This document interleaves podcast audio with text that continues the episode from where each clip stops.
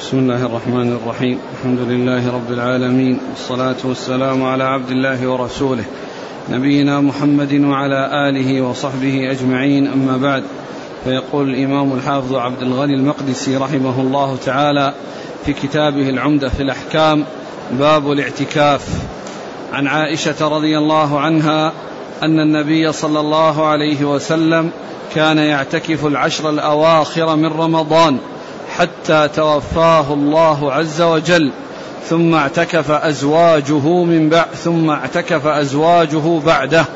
وفي لفظ كان رسول الله صلى الله عليه وسلم يعتكف في كل رمضان فإذا صلى الغداة جاء مكانه الذي اعتكف فيه. بسم الله الرحمن الرحيم. الحمد لله رب العالمين وصلى الله وسلم وبارك على عبده ورسوله. نبينا محمد وعلى آله وأصحابه أجمعين. أما بعد فيقول الإمام الحافظ عبد الغني المقدسي رحمه الله باب الاعتكاف. الاعتكاف في اللغة هو لزوم الشيء والإقامة عليه خيرا أو شرا. ملازمة الشيء والبقاء عليه سواء كان خيرا أو شرا هذا قال له اعتكاف ومن الاعتكاف الذي هو شر يعكفون على أصنام لهم. فهو يكون في الخير ويكون في الشر. يكون مشروعا ويكون غير مشروع. وأما في الشرع فهو لزوم مسجد لطاعة الله عز وجل. لزوم المسجد لأن الاعتكاف لا يكون إلا في المساجد. لا يكون في البيوت وإنما يكون في المساجد. بقول الله عز وجل ولا تباشروهن وأنتم عاكفون في المساجد. والنبي صلى الله عليه وسلم كان يعتكف في المسجد. فدل هذا على أن المساجد هي محل الاعتكاف.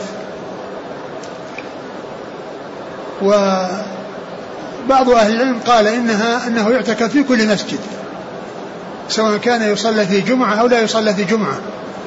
لكن الأولى أن يكون المكان الذي يعتكف فيه يصلى في جمعة حتى لا يحتاج إلى الخروج ولو أنه اعتكف في. في مسجد وجاء للجمعة لا بأس بذلك لكن الأولى أن يكون اعتكافه في مسجد يجمع فيه حتى لا يحتاج إلى أن يخرج لأداء صلاة الجمعة وبعض أهل العلم يقول أن الاعتكاف يكون في المساجد الثلاثة التي هي المسجد الحرام والمسجد الأقصى والمسجد النبوي والمسجد النبوي والمسجد الأقصى. وقد جاء حديث في ذلك لا اعتكاف إلا في المساجد الثلاثة. لكن لا يعني ذلك أن ذلك لازم وأنه لا يكون الاعتكاف إلا في المساجد فإن هذا يراد به القصر الإضافي أو الحصر الإضافي. وليس القصر الحقيقي الذي معناه أنه لا يجوز إلا فيها وإنما هو يعني بمعنى لا اعتكاف أفضل لا اعتكاف أفضل إلا في المساجد الثلاثة. ولا يعني ذلك أن الاعتكاف في غيرها لا يجوز وأنه حرام لأن الله تعالى يقول ولا تباشرهن وأنتم عاكفون في المساجد. فإذا يكون ما جاء في الحديث من أنه لا اعتكاف إلا في المساجد الثلاثة أي الاعتكاف أشد اعتكاف أعظم واعتكاف أتم. يعني أن الاعتكاف فيها أفضل من غيرها وأتم من غيرها. وهذا نظير ما جاء لا ربا إلا في النسيئة. لا ربا إلا في النسيئة. مع أن الربا يكون في الفضل أيضا. قد جاءت بذلك الأحاديث. ولكن المقصود لا ربا أشد. لا ربا أشد إلا في النسيئة. يعني فالربا في النسيئة أشد من الربا في غيرها. وإلا فإنه يكون في النسيئة وغير النسيئة. فإذا هذا هو معنى الحديث الذي ورد في ذلك وأنه يجوز أن يعتكف في المساجد في كل مكان.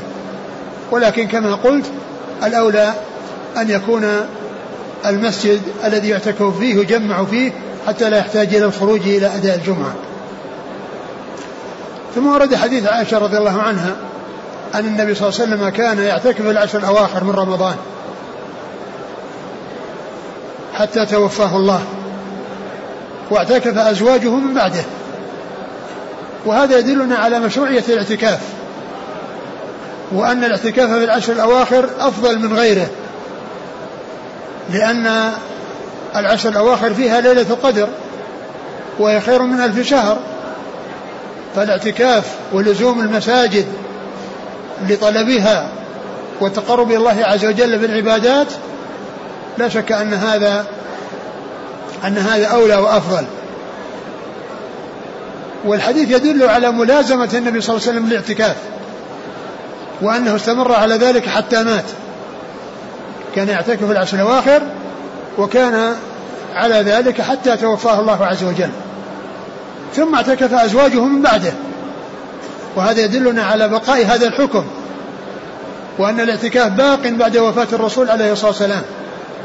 وأنه لم يأتي شيء ينسخه ويدل أيضا على اعتكاف النساء على أن النساء لهن يعتكفن كما يعتكف الرجال واعتكافهن يكون بالمساجد كما لأن الاعتكاف لا يكون في البيوت وإنما يكون في المساجد ونساء النبي صلى الله عليه وسلم كن يعتكفن في المسجد فدل هذا على مشروعية الاعتكاف في حق الرجال والنساء. نعم. أعد الحديث. أن عن عائشة رضي الله عنها أن النبي صلى الله عليه وسلم كان يعتكف العشر الأواخر من رمضان حتى توفاه الله عز وجل ثم اعتكف أزواجه بعده. نعم. وفي لفظ كان رسول الله صلى الله عليه وسلم يعتكف في كل رمضان فإذا صلى الغداة جاء مكانه الذي اعتكف فيه. وهذا أيضا وهذه الرواية تدل على أنه كان يعتكف في كل رمضان. يعني أنه ما يترك بعض الرمضانات. يعني من حين بدأ الاعتكاف وهو مستمر عليه. وما كان يترك بعض الرمضانات لا يعتكف فيها. ولهذا الحديث الذي سبق قال حتى توفاه الله. كان يعتكف العشر الأواخر حتى توفاه الله. وهذا قال في كل رمضان. يعني معناه أنه يتابع الاعتكاف في كل رمضان. وأنه لا يترك في بعض الرمضانات. وإنما هو مستمر ومداوم على ذلك صلوات الله وسلامه وبركاته عليه. قال فإذا؟ كان رسول الله صلى الله عليه وسلم فإذا صلى الغداة جاء مكانه الذي اعتكف فيه. وهذا يدل على أن الإنسان يكون له مكان في المسجد يعتكف فيه. يعني مكان يجلس فيه ويعتكف فيه يكون في المسجد. وإذا جاء وقت الصلاة فذهب وصلى مع الناس ثم يرجع إلى معتكفه. ولهذا قال فإذا صلى الغداة رجع إلى معتكفه. يعني المكان الذي خصصه لنفسه للاعتكاف في المسجد. ما يجلس بعد طلوع بعد الفجر في مسجد في مجلسه حتى تطلع الشمس. وإنما يذهب ويجلس في مكان اعتكافه. وليس معنى ذلك أنه إذا أن بدأ الاعتكاف بعد طلوع الفجر. لأن الاعتكاف العشر الأواخر. والعشر الأواخر تبدأ بالليل. يعني يعتكف الإنسان عند غروب الشمس. مساء يوم عشرين. لأنه بذلك تدخل العشر. وكما عرفنا في الدرس السابق أن الليلة تسبق اليوم. يعني ليلة اليوم سابقة له. فالعشر الأواخر تبدأ بغروب الشمس يوم عشرين. عند ذلك تبدأ العشر الأواخر. فكان إذا صلى الفجر صلى الغداة رجع إلى معتكفه أو ذهب إلى معتكفه يعني ما يجلس فيه حتى تطلع الشمس. مثل ما جاء في الحديث أن من صلى الفجر في جماعة ثم جلس حتى ترتفع الشمس ثم صلى ركعتين كان بعمرة وحجة تامة تامة يعني معناه أنه لا يبقى في مصلاه وإنما يذهب إلى معتكفه لأنه معتكف والمعتكف يكون في المكان الذي خصصه لاعتكافه وعلى هذا فليس المقصود بقوله أنه إذا صلى الفجر دخل معتكفه أو أتى إلى معتكفه لأن المقصود أنه إذا وهو في حال اعتكافه عندما يصلي الفجر يذهب إلى معتكفه وليس معنى ذلك أن بدأ الاعتكاف بعد طلوع الفجر. لأنه لو كان بعد طلوع الفجر معناه فاتت عليه الليلة الأولى التي هي ليلة 21 لأن العشر تبدأ بالليالي ولا تبدأ بالأيام والأيام بعد الليالي. فيدخل الإنسان الذي يريد الاعتكاف العشر الأواخر عند غروب الشمس يوم عشرين. إذا غربت الشمس يوم عشرين يكون بدأ الاعتكاف. لأنها جاءت ليلة الحادي والعشرين التي هي أول ليالي العشر. نعم. وعن عائشة رضي الله عنها أنها كانت ترجل النبي صلى الله عليه وسلم وهي حائض وهو معتكف في المسجد وهي في حجرتها يناولها رأسه وفي رواية وكان لا يدخل البيت إلا لحاجة الإنسان. وفي رواية أن عائشة قالت إني كنت لأدخل البيت للحاجة والمريض فيه فما أسأل عنه إلا وأنا مارة. وهذا فيه هذا الحديث عن عائشة أنها كانت تخبر أنها كانت ترجل شعر رسول الله صلى الله عليه وسلم أو ترجل رأس رسول الله صلى الله عليه وسلم وهو معتكف وهي في حجرتها. يعني هو لا يدخل الحجرة وهي لا تخرج المسجد. لأن المعتكف لا يدخل البيت إلا لحاجة الإنسان وهو قضاء الحاجة. لا يجلس في البيت يتحدث. ولهذا الرسول عليه الصلاة والسلام إذا احتاج إلى ترجيل الشعر يناول يكون في المسجد ويناول رأسه عائشة لترجله وهي في حجرتها فهي لا تخرج المسجد وتجلس فيه لأنها حائض وهو لا يدخل البيت ويجلس فيه لأنه معتكف. وهو يدل على أن الإنسان إذا كان معتكفا أو المرأة إذا كانت حائضا وأخرجت يعني رأسها أو أخرجت يديها لا يقال إنها دخلت المسجد. وكذلك المعتكف إذا يعني آه، جاء مع فرجة ويعني آه، أدخل رأسه معها لا يقال أنه خرج من المسجد وإنما يكون الخروج إذا دخل بجملته. إذا دخل بجملته هذا قال خرج من المسجد. والمرأة إذا خرجت الحائض إذا خرجت من حجرتها وهي حائض يقال دخلت المسجد وهي حائض. لكن إذا أخرجت يعني بعض جسمها أو أخرجت رأسها أو يديها لا يقال إنها خرجت إلى المسجد ودخلت المسجد. والمعتكف لا يقال إنه إذا أخرج رأسه مع فرجة أنه يقال خرج من المسجد. أنه يقال خرج من المسجد بل هو في المسجد. وإنما يخرج إذا خرج بجملته وهي تدخل المسجد إذا دخلت بجملتها. هذا هو الذي يكون به دخول المسجد أو دخول البيت. أعد حديث. وعن عائشة رضي الله عنها أنها كانت ترجل النبي صلى الله عليه وسلم وهي حائض وهو معتد وهذا يدل على أن مباشرة الحائض وكون تلمس الرجل أو الرجل يعني يلمسها أن ذلك لا يؤثر. لا يؤثر. يعني مماسة الحائض مماستها ومضاجعتها لا بأس بذلك لكن لا يجوز جماعها. ولهذا كانت هذه الأمة وسط بين اليهود والنصارى بما يتعلق بمعاملة الحائض. فإن اليهود إذا حاضت المرأة لا يواكلونها ولا يجالسونها. والنصارى بعكسهم يجامعونها. والمسلمون لا يواكلونها ويجالسونها ولا يجامعونها. فعندهم الاعتدال والتوسط. وهؤلاء عندهم الإفراط والتفريط. عندهم الإفراط والتفريط. فمماسة الحائض ولمس جسدها لا يؤثر على الإنسان. ولا بأس بذلك. والنبي صلى الله عليه وسلم كان يضاجع أهله ويباشر نساءه وهن حيض عليه الصلاة والسلام. فلمس المرأة وكون المرأة تلمس الرجل وهي حائض وهو معتكف أن ذلك لا يؤثر. نعم.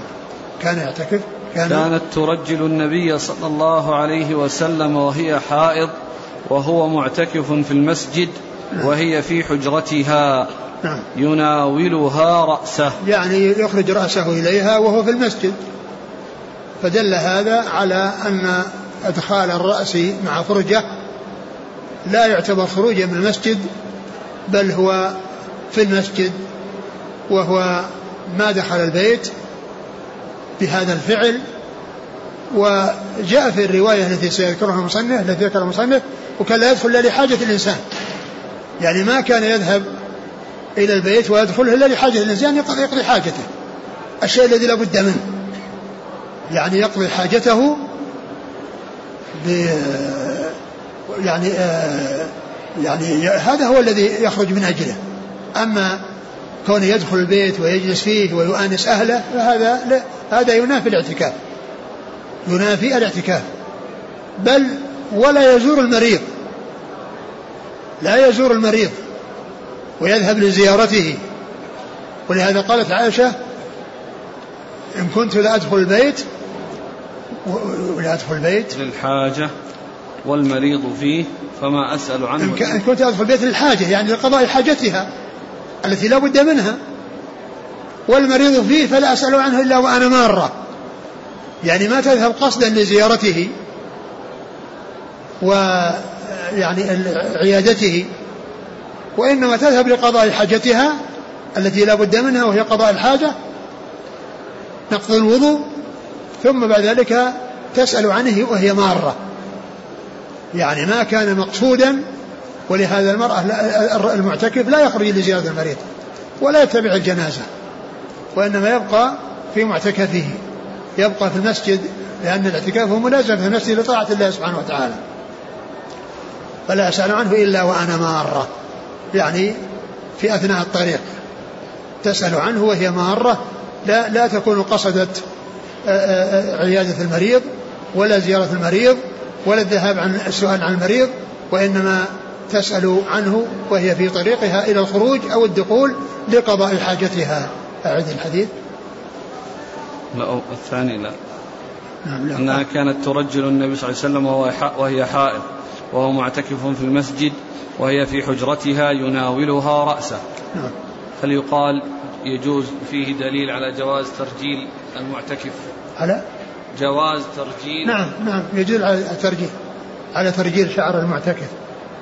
المعتكف يرجل شعره ويغتسل ولكنه آه، لا يخرج من المسجد من أجله وإنما إذا حصل أن أن مثل هذا الذي حصل أنه كان يخرج رأسه وهي ترجله امرأته سواء كانت حائضا أو غير حائض فإن ذلك لا بأس به. نعم. وفي رواية وكان لا يدخل البيت إلا لحاجة الإنسان. يعني الرسول صلى الله عليه وسلم باق في معتكفه في المسجد ولا يدخل البيت إلا لحاجة الإنسان لأن قضاء الحاجة ينقض الوضوء ويتوضأ ثم يعود. لا يذهب لشيء آخر غير هذا. نعم. وإلا إيش الفرق بين الاعتكاف وغير الاعتكاف؟ إذا كان حالته في حال اعتكافه تماثل غير اعتكافه إذا ليس فرقا بين الاعتكاف وغير الاعتكاف. نعم. وفي رواية أن عائشة قالت إني كنت لأدخل البيت للحاجة والمريض فيه فما أسأل عنه إلا وأنا مارة. وهذا في اعتكاف النساء لأن عائشة تخبر أنها إذا كانت معتكفة في المسجد يعني ما تدخل البيت إلا لحاجة يعني مثل ما الرسول صلى الله عليه وسلم كان لا يدخل إلا لحاجة الإنسان. هي تدخل للحاجة إذا كانت معتكفة. وقد ويكون المريض في البيت فلا تذهب لزيارته. وإنما إذا ذهبت لقضاء حاجتها تسأل عنه وهي مارة. وهي مارة. يعني ليست يعني جالسة أو متوقفة أو وإنما وهي مارة. تسأل عن المريض الذي في البيت. نعم. وجود الآن دورات المياه في المساجد هل يعتبر الآن حاجة الذهاب للبيت؟ لا الآن دورات المياه موجودة في يعني في المساجد فما كان هناك حاجة إلى الذهاب للبيوت من أجل قضاء الحاجة من أجل قضاء الحاجة لأن قضاء الحاجة يحصل في هذه الدورات المتوفرة في المساجد. نعم. وعن عمر بن الخطاب رضي الله عنه أنه قال قلت يا رسول الله إني كنت نذرت في الجاهلية أن أعتكف ليلة وفي رواية يوما في المسجد الحرام. قال فأوف بنذرك ولم يذكر بعض الرواة يوما ولا ليلة. ثم ذكر حديث عمر رضي الله عنه أنه نذره في الجاهلية والجاهلية ما قبل الإسلام. يعني في حال الكفر وقبل قبل أن يسلم نذر أن يعتكف في المسجد الحرام.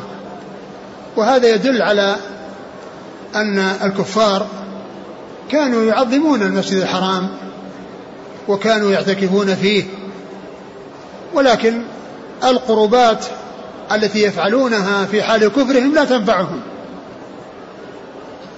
لأن الله يقول وقدمنا إلى ما عملوا من عمل فجعلناه هباء منثورا. وإنما تنفعهم بعد دخولهم في الإسلام وشهادتهم أن لا إله إلا الله وأن محمد رسول الله صلى الله عليه وسلم.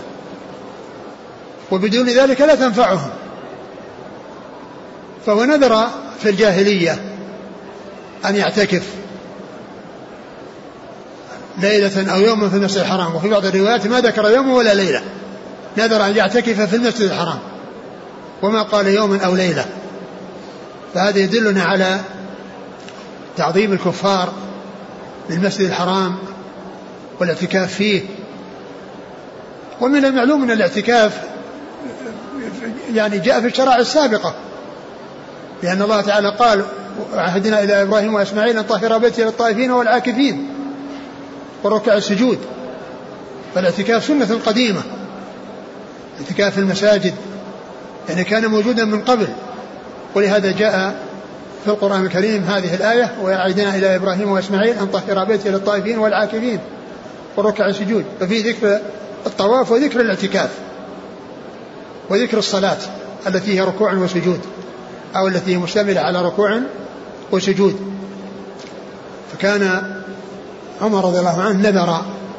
فالرسول عليه الصلاة والسلام قال أوفي بنذرك. لأن هذه عبادة أرادها في حال كفره ولو أداها في حال كفره ما نفعته. ولكن حيث أسلم وقد نذر هذه العبادة فعليه أن يأتي بها. فكون النذر حصل في حال الكفر والأداء في حصل في حال الإسلام لا بأس بذلك وهذا هو الذي دل عليه هذا الحديث وهذا هو الذي أرشد إليه الرسول عليه الصلاة والسلام. ومن المعلوم أن الإنسان في حال كفره يعني إذا حصل منه نذر عبادة وهي عبادة يعني مشروعة ولكن فعلها في حال الكفر لا ينفع ثم أسلم فإنه يأتي بالوفاء لهذه العبادة التي أرادها ولم يفعلها في حال كفره ولكن هداه الله الإسلام فعليه أن يأتي بها بعد أن أسلم وتنفعه عند الله عز وجل لأن الأعمال الصالحة تنفع المسلمين والأعمال الصالحة لا تنفع الكفار لأنها مردودة عليهم لقول الله عز وجل وقدمنا إلى ما عملوا من عمل فجعلناه هباء منثورا يعني لا عبرة به ولا قيمة له ولا فائدة يحصلونها من ورائه لأنهم ما قدموا بين يديه شهادة لا إله إلا الله وأن محمد رسول الله التي هي الدخول في الإسلام. واختلف العلماء في أقل الاعتكاف. فمنهم من قال إنه يوم وليلة ومنهم من قال إنه يوم أو ليلة يعني اعتكاف يوم أو ليلة أو يوم وليلة. وهذا هو الذي جاء في حديث عمر لأنه جاء ذكر ليلة وجاء ذكر يوم فيكون ذلك محمولا على أنه يوم وليلة ولكنه عبر في بعض الروايات عن اليوم والليلة تابعة له وفي بعض الروايات عن اليوم والليل تابع لها والليلة تابعة له. يعني ما فيكون الآخر تا... الذي لم يذكر تابع. ولهذا قد تذكر الليلة ويراد بها اليوم والليلة وقد تذكر الليلة ويراد بها اليوم والليلة وزكريا عليه الصلاة والسلام آه، العلامة التي الآية التي جعلها الله عز وجل أن لا يكلم الناس ثلاث. فقد جاء في آية من القرآن آياتك لا تكلم الناس ثلاث ليال سوية. ثلاث ليال سوية ذكر الليالي. وفي آية أخرى قال لا تكلم الناس ثلاث أيام إلا رمزا. فالقصة واحدة. ومرة ذكر الأيام ومرة ذكر الليالي. يعني معنى ذلك أنه يعني ثلاثة أيام بلياليها. فحيث ذكرت الليالي في آية المراد بها مع أيامها. وحيث ذكرت الأيام في آية المراد بها مع لياليها. المراد بها مع لياليها. ف يعني كون جاء في رواية يوم في بعضها يعني ليلة يعني معناه ذكر اليوم والليلة تابعة له أو ذكرت الليلة والنهار تابع لها. والله تعالى أعلم وصلى الله وسلم وبارك على عبده ورسوله نبينا محمد وعلى آله وأصحابه أجمعين. جزاكم الله خيرا وبارك الله فيكم ألهمكم الله الصواب ووفقكم للحق. نفعنا الله ما سمعنا وغفر الله لنا ولكم وللمسلمين أجمعين. سبحانك اللهم وبحمدك. أشهد أن لا إله إلا أنت أستغفرك وأتوب إليك.